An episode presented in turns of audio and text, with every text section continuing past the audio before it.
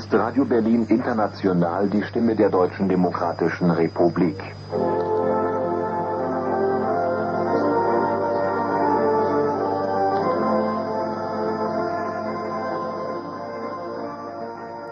Þú ert að hlusta á útsendara ástarinnar. Helga Novak, Ísland, Östutískaland og Stasi. Þetta er annar þáttur, Stasi, umfang og aðferðir.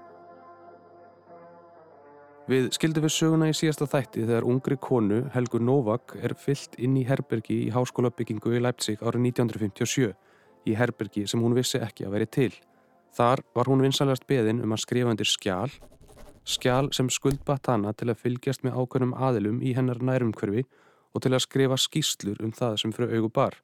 En nú ætlum við að skoða heldamindina. Við ætlum að kynast Ministerium för Staatssicherheit eða Stasi, ríkis öryggisráðuneti Östur Þískarlands sem skiptir svo miklu í þessari sögu.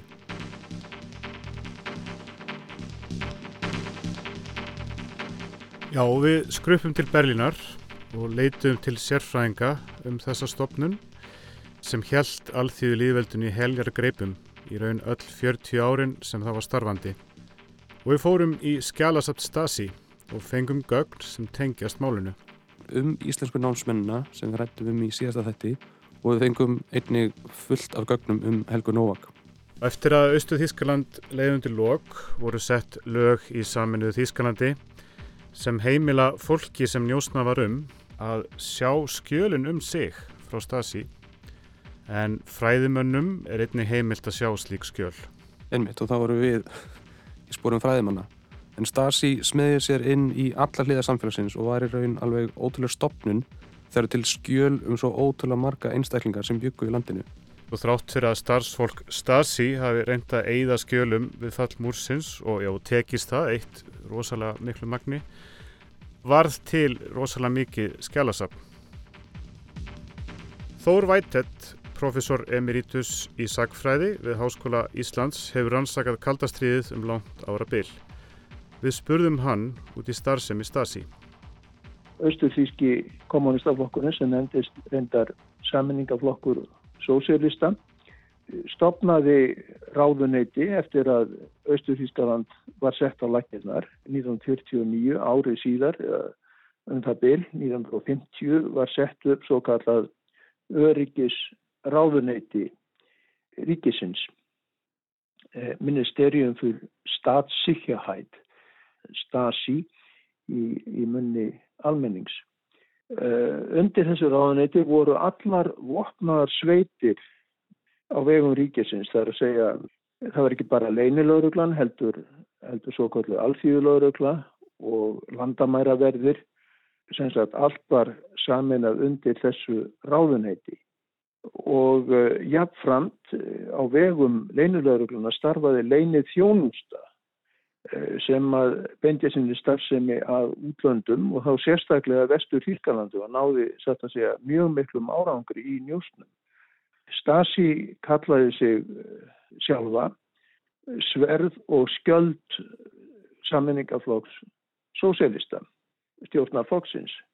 Leinilöðuruglunni var, var falið þar hlutverk annars vegar að verja kerfið fyrir anstæðingu þess, bæði þá raunverulegum og ímynduðum og jáfnframt sækja á anstæðingana með sverði.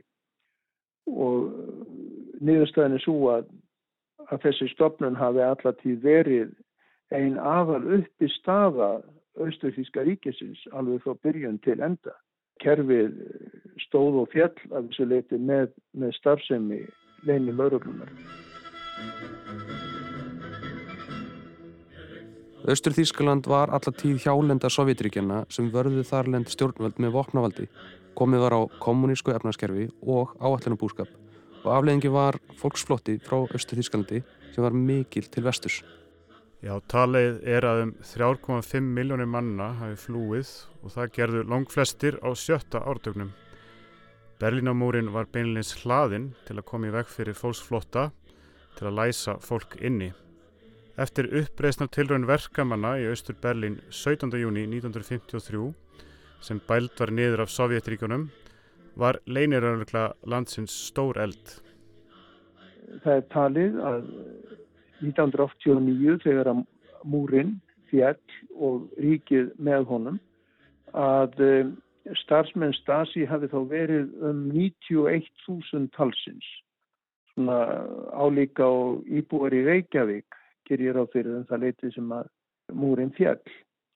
Uh, fræðimenn eru ekki alveg á einu málu um það hver margir störfuðu með leinið þjónustunni sem njóstnarar um samborgara sína en þeir taldir hafa verið á bylinu 110 til 189.000 undir lokin en voru líklega um 200.000 á 8. áratíðinu þegar að uh, ríkti spenna mikil og, og var talin sérstaklega þörf á því að, að efla njóstinnar. Nú það er sagt að alls um 2,5% af 16 miljónum íbúa í Östurískalandi á aldrinum 18-60 ára hafið henni stundað reglulega njóstnir á snærum leinilörglunar. Eitt leinilörglumadur í förstu starfi var talin vera á hverja 180 íbúa. Nú, það hefur verið dreyið fram hér til samanburðara í Þískalandi Hitler sem var náttúrulega lauröklu ríki hafi verið einn leinilörglumadur á hverja 2000 íbúa. Þannig að þetta svona gefur hugmyndum það hver eftirlitið í Östu-Þískalandi kommunista var í rauninni miklu öflugur heldur en nokkuð tíman laurögluríki Hitlers hvað þetta varðaði. Í Sovjetríkjónum til dæmis var talið að það veri einn KGB maður á, á hverja 595 íbúa. Nú fyrir utan þessa samstagsmenn alla er leinilöglan talin hafa stöðst við upplýsingar frá miklum fjölda fólks þannig að hún hafi verið með á milli 500.000 og 2 miljónir manna í takinu við njóstnir um samstagsmenn, vini, nábú og fjölskyldur. Já, þetta eru rosalega tölur sem Þór er að nefna þarna. Já, maður átt að sé alltaf á þessu sko og einhvern veginn heyrði ég að, að las einhvers þar að e, Stasi hafi framleitt jafn mörg skjöl eins og öll e, þíska þjóðin hafi gert fram til þess frá miðaldum e, sem er náttúrulega alveg ótrúlegt. En Björn, við heimsóttum Stasi-safnið sem er í höfustöðum þess í Östur Berlín. Þá er maður lóksins kominn Ég er á Rúsjastrasi fyrir utan ingangin af Stasi-safninu eða uh, miðstöð Stasi sem starfaði hér frá uh, 1962 og allt hanga til að múrin fjall. Uh, þetta er einu bara heilt hverfi af byggingum. Við mér blasir hérna risastórt svona plattinbá Uh, hús, íbúrhús vantarlega fyrir fólk sem starfaði hjá Stasi. Þetta eru 10, 12 átjón hæðir. Og ég ætla að lappa hérna inn og það er hlið. Umhverjus hliðið eru er einni byggingar. Og það er kannski magnað að horfa á þetta í dag því eins og segja þetta er heilt hverfi af byggingum sem voru búin að taka yfir starfsemi Stasi þegar mest var. Og nýjunda áraturinn þá störfiðu hér 7000 manns og einhverjur byggu hérna á störfiðu sama tíma. Og núna í dag getum við að skoða hérna í Hás 19 Hás 19 af rúmlega 40 húsum byggingum, þetta eru stóra byggingar. Hús 19 eru já eru sjúkraþjálfarar það eru læknastofur. Já, alls konar sérfræði lækna sem starfa hér.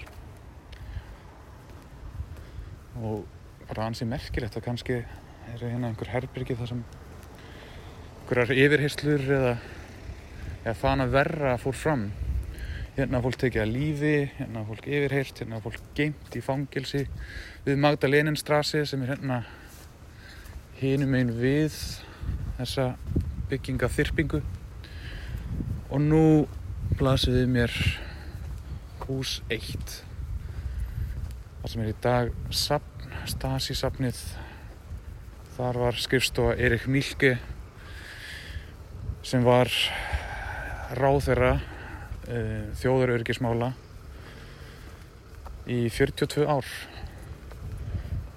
En hann allavega var handtekinn eftir fallmúsins og hann lést í fangilsi árið 2000 þetta er mjög surrealist að sjá bara umfangið og orkan peningurinn.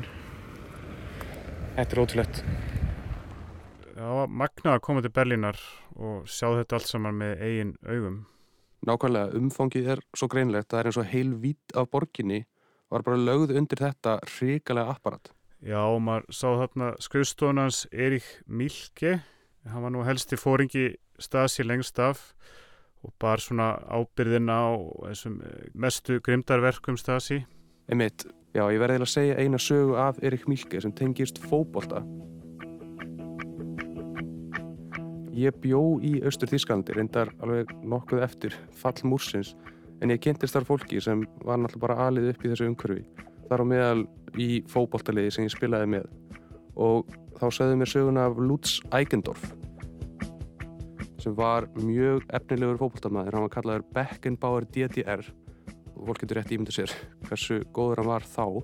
Hann var fættur 1956, hann spilaði með Dynamo Berlin og var byrjað að spila fyrir landsliði 21 árs, hann spilaði mér sem móti í íslenska landsliðinu en kerfið í Östu Þísklandi var þannig að, að sagt, hvert lið var fulltrúi einhverja stopninar og liðið hans, Dynamo Berlin, var lið Stasi. Þannig að Erik Milke var svona de facto yfirmaður liðsins. Svo gerist það 1979 að það er æfingarleikur í vestu Þísklandi, austrið gegn vesturnu, Dínum og Berlín gegn uh, eh, FC Kaiserslautern. Og þessi leiku fyrir fram og Dínum og Berlín tapar og getur mér með það og svo bara ætlar að bruna heim, stoppa í, í borginni Gísen uh, á svona rútustöð og þar fara allir út í smók eins og tíðgæðist á þessum árum. Nefna Lutz Eigendorf, hann flýr bara, hann hérna, tekur leigubíl, kerir burtu og hérna hann er þá búinn að fremja republikflugt. Sem sagt, uh, flúin til vestur Þískanlands. Já, nákvæmlega, hann er bara flúin til vestur Þískarlands og þá veist, fer eitthvað svona smá milliríkja deila í gang og, og hann þarf að taka til leikbann í eitt ár, semjum það hérna, til að halda öllu sangjörnu en svo byrjar hann bara að spila fyrir kæsarslátin og það gengur vel, hann fyrir orðsins að þjena smá pening fyrir fókbalt þess að hann hafði náttúrulega aldrei áður gert.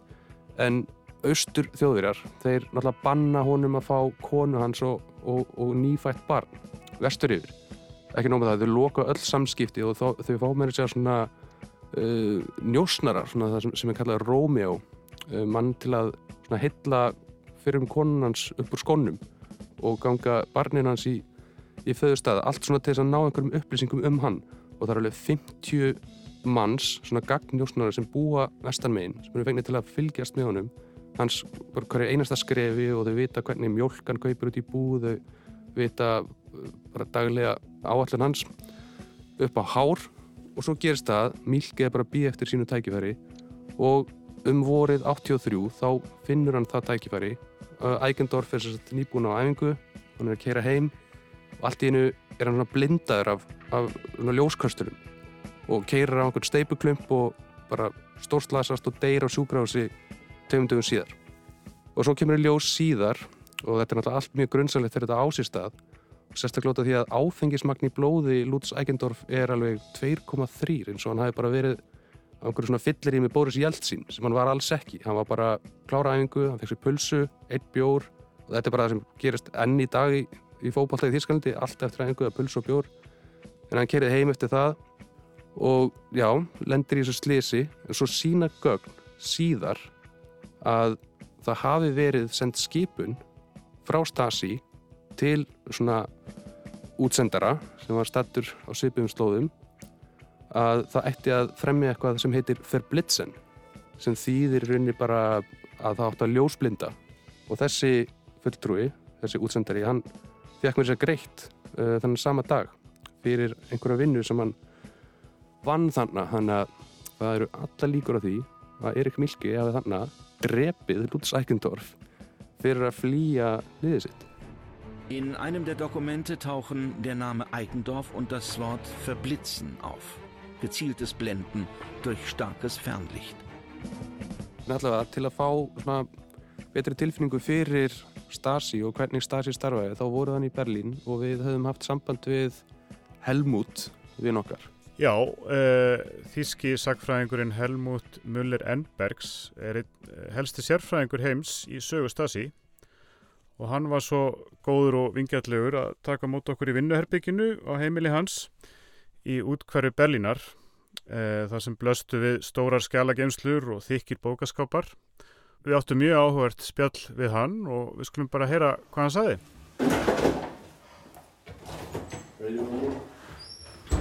Mein Name ist Helmut Müller-Enbergs. Ich bin 62 Jahre alt. In der Behörde für Stasi-Unterlagen habe ich über ein Vierteljahrhundert gearbeitet und mein Spezialgebiet waren die gesamten 25 Jahre Agenten, Kundschafter, Spione, Denunzianten, all das, was man heute inoffizielle Mitarbeiter nennt, abgekürzt IM. Nicht innere Mission, sondern Menschen, die konspirativ Informationen an den Staat, an die Staatssicherheit geben. Eftir að hafa kynnt sig segir Helmut okkur að hann hafi starfað við rannsóknir á skjálasamni Stasi í 25 ár. Hans sérgrein er sáþáttur njósnastarsimi sem fellur undir óopinbera samverkamenn inofficiell er mittarbætir sem er skamstafað í M. Við spurðum Helmut líka hvernig fólk það væri eiginlega sem starfaði hjá Stasi. Hvernig sótti fólk til dæmis um vinnu hjá Stasi? Vildi einhver vinna fyrir þetta apparat? Das Ministerium für Staatssicherheit hat sich ihre inoffiziellen Mitarbeiter ausgesucht. Man konnte sich dort nicht bewerben. Beziehungsweise war dann die Staatssicherheit skeptisch, warum sich jemand bewerbt. Das Ministerium für Staatssicherheit suchte Menschen aus, die Informationen beschaffen konnten.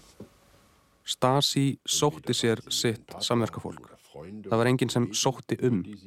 Ef svo hefði verið, hefði Stasi haft efasemtir um heilindi umsóknarinnar. Hvaða ástæði lagi þar að baki? Stasi leitaði að fólki sem gætt náð í markvissar og nákvæmur upplýsingar. Því fólki átti maka eða vini eða samstarfsfélaga sem byggu mögulega yfir slíkum upplýsingum. Wenn man fragt, warum hat jemand zur Staatssicherheit Ja gesagt, besagen unsere Untersuchungen, dass überwiegend es politisch okay war, normal.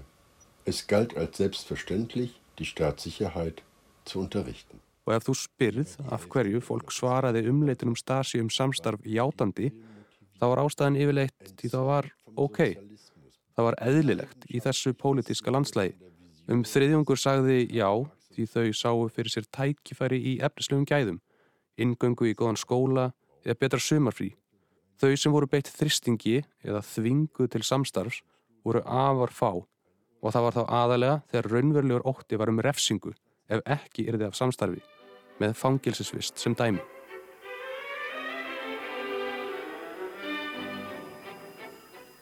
An excerpt from Mozart's Eine kleine Nachtmusik came to you in the transmission of Radio Berlin International the voice of the German Democratic Republic. Last item on tonight's agenda, the true face of imperialism.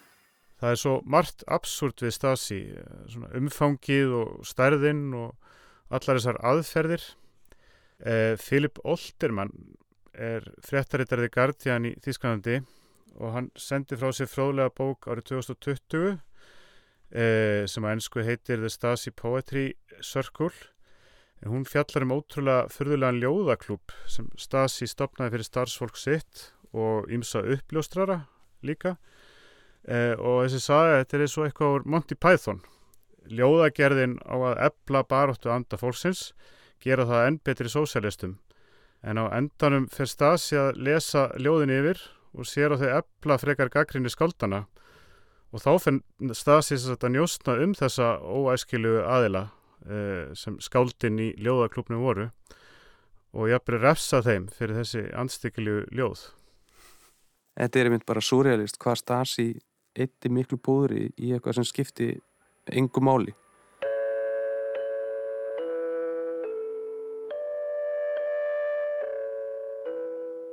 En allavega, við skulum heyra í Íslandingum sem kynntust stopninni á eigin skinni. Átni Björnsson, þjóðháttafræðingur, er eitt þeirra. Árið 1961 kendi hann íslensku í Græfsvald í Östu Þísklandi en var tveimur árum síðar ráðinn til Fræi Universitet í Vestur-Berlín.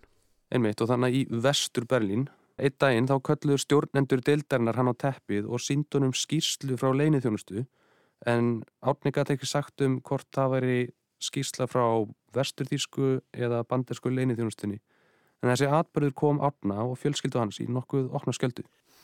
Það er um, sem minn ferillir rakin og ég ætla ekki að reykja það, það var, það var í sjálf og sér ekkert engin lígi í því en það klikt út með því að það sé mikil hægt á að þessi hjón muni stundan jórnir í þáðu Sovjetrikjana. Þetta var niðurstaða skillunar í lókin. Það var sakarsýnt að þú, Herr Björnsson, sögðu fyrir þeir.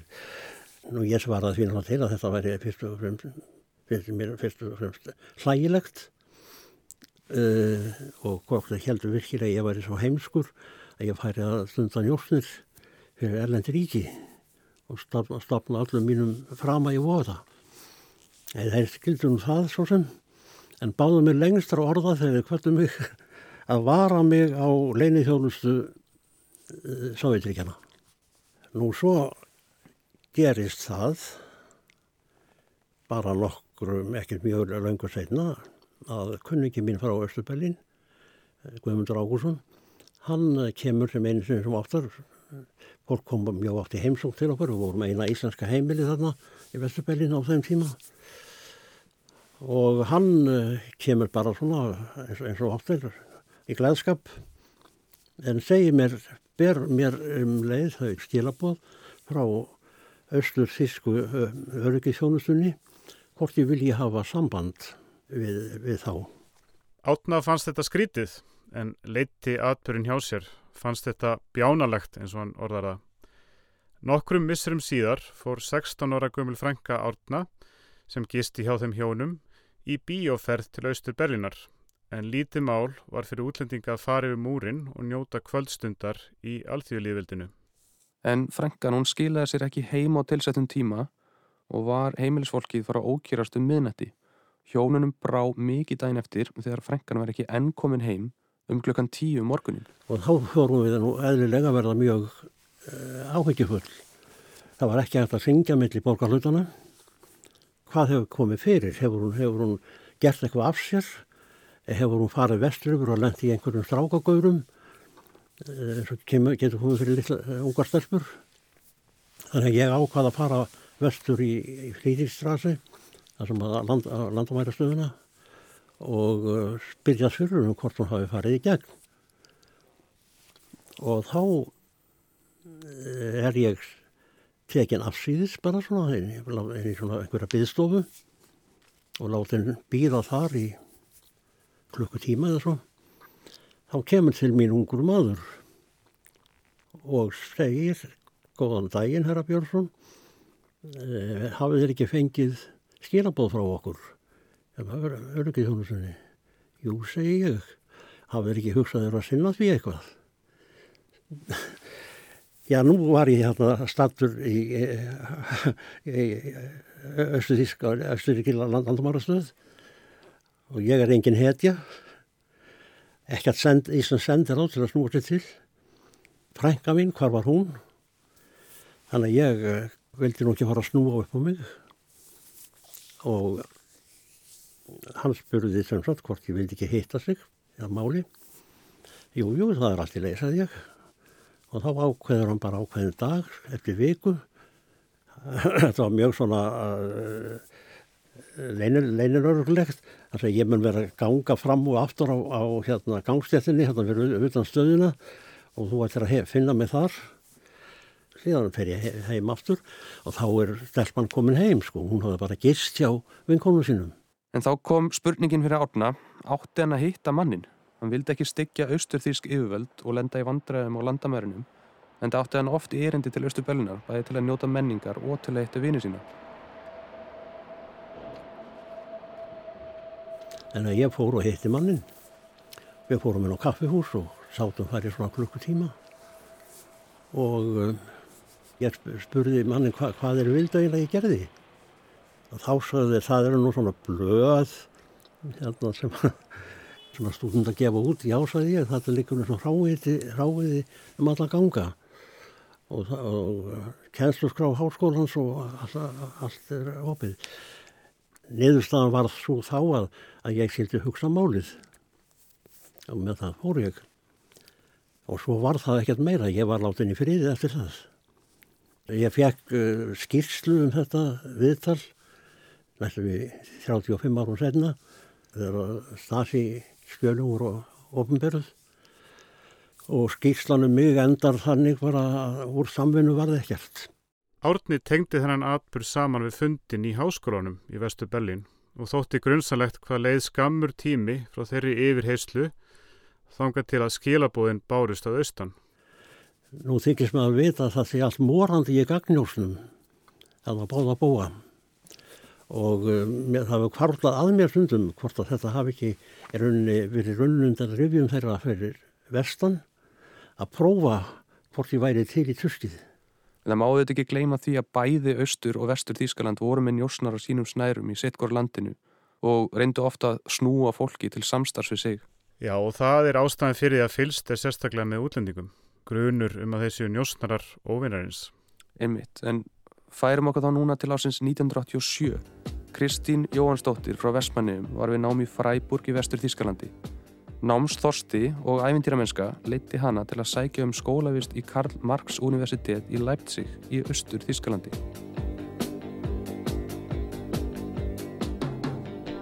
Já, eins og segir frá í magnari bókennar Ekki gleima mér frá 2016 var skólavistinn um margt skraudleg og kynni hennar við fólk í Leipzig ekki síður. Kristín þurfti að læra undarlega námskrá þar sem allir þurfti að læra Marx leninísk fræði og hún þurfti að átta sig á flóknu hagkerfi þar sem skortur var á öllu. En það mest framandi voru tengingarna við fólk, hvernig hún virtist kynnast fólki fyrir tilvílanir og hvað sem margt ókunnugt fólk vissi allt um hana. Ég hugsaði ekki alveg um það strax byttu, getur við þessi tilvílun, ég hef kynst þessum eða hinnum að það var, þú veist, bara fara á kaffihús. Maður satt aldrei einn á kaffihúsi. Það var alltaf annarkort var manni eh, vísað til borðs með einhverjum eða að það var einhver sem, að, einhver sem var vísað að sita hjá mér. Og það var bara því það var bara verið að fylla á borðin. Þannig að sko ég gati ekki alveg svona átta mig á því hvort að í öllum einhver, eða í einhverjum tilvikum að ég hafi lent á borði með einhverjum sem ég átti að kynnast Í skólanum þótt ekki nóg að Kristín stundaði sitt nám upp á eigin spýtur. Henni var skipið svo kvöldu trúnaðakonna sem hafði það verkefni að fylgjast með öllu sem hún gerði. Nú ert þú að fara að hitta trúnarmanneskuna þína. Og, og þegar ég bara trúnarmanneski bara nei, ég þarf ekki trúnarmannesku, þú ert búin að gera allt fyrir mig, ég kom með öll skiptinni, ég veit hvað háskólinn er, ég veit í hvaða tímum ég er, ég þarf ekki trúnarmannesku, bara takk, ég ætla bara að afþakka hanna og þá fekk bara alltaf sko þegar maður var að segja eitthvað svona þá svona, kom bara svona vandræðileg þögn. Svona, var svona hortamann með ákveðin svona vorkunsemi þú ert að fara að hitta trúnamannskunni þína sko. Við negir ekki tekið fyrir svar. Eh, ég baði ekki um þessa konu og hún var, fannst mér doldið sko lélugur njóstnara þýleitunum til að ég þurfti alltaf að drekka kaffi með einu snið viku, ég man ekki hvort það var þriðutum með meðgutum kl. 10 eða eitthvað og uh, þá byrjaði hann alltaf að spurja mig hvað ég hef verið að gera. Og ef ég var að ljúa henni þá vissum það alltaf. Og það var ekki því ég sé svona rosalega lélugur legari heldur bara að sko þá fór hún að, að sko já en ungi maðurinn sem að var þarna en þú varst ekki eini í bíó. Og svona þessi hlutir þá við segðum byttu við, ákveður hún að spurja þessu nema því hún veit eitthvað meira og eh, sko svona manneskur voru tóltið víða um Östur Þískaland. Eins og Kristín Fjallarum í minningabók sinni eignast hún fljótlega kærasta í Leipzig. En það er eitthvað tíman að, að þá setjum við honum á uh, einum af okkar uppáhalds uh, skemmtistöðum, uh, mikla menningarsettrið Mórsbastæ og hann er eitthvað svona eitthvað að taka utanum og eitthvað þegar að maður vindu sér af okkur og segir 6-0 eða ég manni hvort það var 8-0 uh, hann var að, að, með skýrskotin í það að austuþjóðar höfðu sigrað íslenska knatsspurnuliðið, ég manni hvort það var 6-0 eða 8-0 í fókbólta í vikuna undan. Og þetta er bara alveg blá okkunum maður sem vissi að ég væri íslensk og var að svona bauna á mig þessu með ósigur íslendinga í fókbólta Það skipti ekki máli hvort það voru samnemendur eða afgrysli fólk í búðinni eða kærastinn sjálfur. Það var eitthvað skrítið í fari allra. Þetta var oft svona svolítið að maður svona hugsaði þetta hvað voru tilviljanir í kringum það þegar maður var að kynast nýju fólki. Ég hugsaði þetta doldið á mig, ég var í Östuðískalandi og svo náttúrulega ennþá meira setna og, og sérstaklega eftir þetta land var lagt niður að þá fór maður svona almennilega farið verða hver hafi verið hvað að þessum vinnum hans. En ég eignaðist mjög fljótlega eh, kærasta sem að ég hérna var nú bara ansi bara upptekinn af eiginlega alveg næstuði frá bara degi eitt og hann náttúrulega sko ég þurfti að, að hugsa doldið mikið bæði þá og síðar bara hvernig einhvern veginn hann hefði komið inn í lífið mitt, hvort það hefði verið tilviljun eða hvað. Það var hægt að halda bæði þegar ég hugsaði svona hvernig ég kynnist honum að það er í gegnum uh, mann sem að ég hafði alltaf verið, verið vöruð við því að margir sögðu vera 100% stasimann og það var kunningi sem ég eignaðist einmitt í, í einu, einu partíinu sem ég hafi farið í. Ég kem aldrei til að vita þetta alveg 100% enda sko tíminni liðin og svo sem langar ekkert að vita neitt mikið meir en það sem ég veit í dag. En ég er svona, ég er nokkurt með vissum að sko það var ekki planað að ég kynntist þessum manni og Eh, hann var að sjálfsögðu eins og svo margir aðrir sem að voru með sko, einhverja stöðu í samfélaginu. Svoleiðis fólk bara var grunnsamlegt og það var grunnsamlegt að hann ekki eldri en hann var, væri með flotta íbúð og, og síma. Fólk beigði eflitt sko í 12 ára eftir að fá síma en hann var, var bladamadur þannig að hann var svona alltaf réttlætt að hann að síma. Kristín komst ákveðin niðurstuðum kærastansinn en það er kannski best að við förum ekki nánar út í þá niðurstuðu hér og nú. Kristín hún lýsir svo vel þessu ástandi í bókinni og við mælum heilsögar með henni en Björn, þá er það spurningin um þá sem unnu fyrir stasi. Já, nokkvæmlega. Við skulum heyra aftur í, í Þóru Vætett. Hvernig gæt þetta gerst að fólk gekk til samstags við leinilörgluna? Var það kúað eða gekka til samstags af, af fúsum og frjálsum vilja? E, forsendur manna hafa eflaust verið mjög mísjafnar en eh, þó held ég nú að niðurstaðan sé svo að flestir hafi gengið til samstags við stasi vegna þess að þeir sáu sér einhverju eitthvað hag í þessu. Að komast áfram í stopnunum eða fyrirtækjum sem er unnu í komast áfram í byðröðum því að byðraðir má segja voru eitt af enginnunum á áallunabúskapnum þá var skortur viðvarandi í landinu. Fólk hafi talið að það gæti komist yfir ákveðin gæði með þessu samstarfi, komið sér í mjúkin hjá stjórnvöldum með því að njóstna um, um samborgarana. En umfang þessara njóstna var, má segja, alveg gríðarlegt. Það er talið til dæmis að það hafi verið haldna skrár um það byrð 6 miljónir borgara, það er að segja raukslega þriðjung íbúa landsins sem að voru 16 til 17 miljónir. Það er jáfnframt talið að í skjalageimslum Stasi hafi verið þúsund miljónir skjala, það er að segja einn miljardur gagna. Minnst að hvað þið gefur þetta hugmynd um þau gríðalugu umsig sem þarna voru á ferðinu og umfang þessara njósna. Eh, það er beindust af öllum sviðum samfélagsins Eiru og augu stasi voru allstaðar í öllum stopnunum, fyrirtækjum, skólum, sjúkrahúsum og svo framvegis og framvegis. En njóstinna fór ekki aðeins fram á vinnustöðum, heldur bendust það líka eh, að enga lífi fólks, af daglegu lífi þess, fjölskyldna, hjóna, einstaklinga. Leinlauruglan hún eh, reyndi að komast að vina tengslum fólks hún afbæði sér upplýsingar um kynlíf þessum, ferðarlögum, tómstundir, það var, það var ekkert mannlegt var, var stasi óvið komandi. Hún uh, smög sér inn í öll svið aðtapna og samskipta. Allt samfélagi var undir sífældu eftirliti. Eftir fall Múrsins í uppgerunu eftir hrun Östu Þísklands voru raun allir þeir sem störfuðu með stasi brennimertir og sagaðir um að hafa brotið siðferðilega af sér. Já, en svo verður það að hafa í huga að fjölmarkir uppljóstarar, þessir svo kvöldu IM, inoffícialir mittarbætir, þeir voru það kannski í skjölunum af fúsum og frjálsum vilja en það er erfitt fyrir okkur að setja okkur í þessu stöðu að vera í einhverju herbyrgi með einhverjum uh, starfsmunum stasi sem alltaf krefið þau um upplýsingar og þú veist að þú segir nei þá mun það hafa einhver áhrif það mun hafa einhver áhrif á þinn starfsfyril það mun hafa áhrif á uh, í hvernig skóla börniðin komast það geti haft áhrif um uh, einhver efnisleg gæði þú far kannski ekki síma í íbúðina þína eða þú bara fari ekkert íbúð yfir höfuð þannig að þér er kannski ekki hótað en þú veist samt að það hefur áhrif ef þú segir nei. Einmitt og þessar aðferðist það sín náttúrulega þróast eh, með tímanum. Eh, fyrst var svona kannski grimmilegum aðferðum beitt en svo fór þeir að læra á svona meiri sálfræði hernað. Einmitt, það er hugtak sem á uppröðinsinn í Sovjetríkjunum og er að mörguleiti enn beitt í dag í Rúslandi samtímas en þetta hugtak heitir Tsersetsung.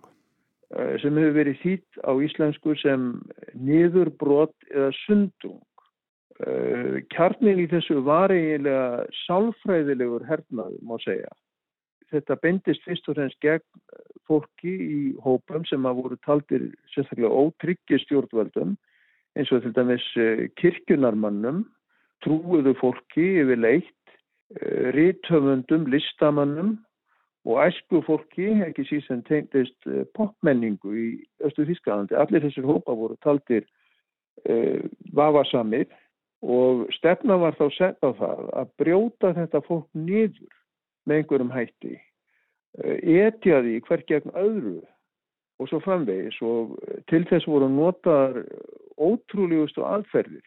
Það var komið að stað orðrómi, fólk var nýtt niður, það var reynd að að, að beita allskyns aðferðum við þetta náttúrulega bæði símleirunum eins þetta ljósmynda fólk við einhverju aðtapni sem að var þá hægt að nota gegn því. Uh, það var brotist inn í íbúðir fólks, það voru framinn spjöll á eigum þess, uh, fólk sem leitaði til lakna eða á sjúkrahús, gefi, voru gefin liv sem að spiltu, jáfnveil helsu þess og brutuða niður. En það makalösa var að, að oft og kannski í flestum tilfellum áttaði fólk sig alls ekki á því að það var orðið að fórnarlampi reynlörugnar vegna þess að, að hún fór fram með svo ísmeilegum hætti við þessar aðfærið sínar. Þór kynntist Stasi aðeins sjálfur? Ég fekk eh, heimild greiðilega til þess að, að stundar ansóknir á gögnum um Ísland frá tímum þriða ríkisins Þíska og satt við það í ríkiskjálasafni í Potsdam uh, og ég minnist þess að mitt að áður ég held uh, frá vestu Þíska andri þess að ég hafi verið að vinna í, í, í þjóðskjálasafni Þíska þá þegar að skjálaverðinir heyrðu að ég ætlaði mér að fara til Potsdam þá letuði það koma fram að ég hefði öruglega settur á tíundu hæðina ef ég maður rétt í Interhotelinu í Potsdam þar sem að fræðimenn byggu sem voru verið ansóknir þarna og eh, þetta kom nú á orði, ég spurði nú hvers vegna þessi hæð, jú eh, vegna þess að það var ljóst að hlustunatækin voru á 11. hæð og merkiðið nokk að þegar ég var búin að skrá mig inn á Interhoteli í Potsdam þá kom á daginn að ég var náttúrulega þarna á þeirri hæð sem að þeir sögðu að ég eh, myndi fá herbyggja á og fór, fór nú reyndar ágætli um mig og ég held að Stasi hafi haft mjög lítið upp úr því að, að hlusta á mín samtöl í þessu herbyggi. Þetta er ennu aftur lýsandi fyrir smá smugulegar njósnir Stasi um einhvern veginn allt og alla. Að hlera nánast alla síma og öll hótelherbyggi. Já, nákvæmlega og eftir viðegandi að ljúka þættinum á þessum nótum en í næsta þætti þá tökum við upp þráðin með Helgu Novak. Hún var í yfirherslu herbergi undir lok fyrsta þáttar og skrifaði undir skjál þar sem hún samþýtti að vinna með Stasi að verða sjálf fyrir sér mittarbætir. Þar tók hún sér dullnefnið Renate sem er eftirvill viðegandi við þannig tímamót. Renate þýðir í stuttumáli að endurfæðast.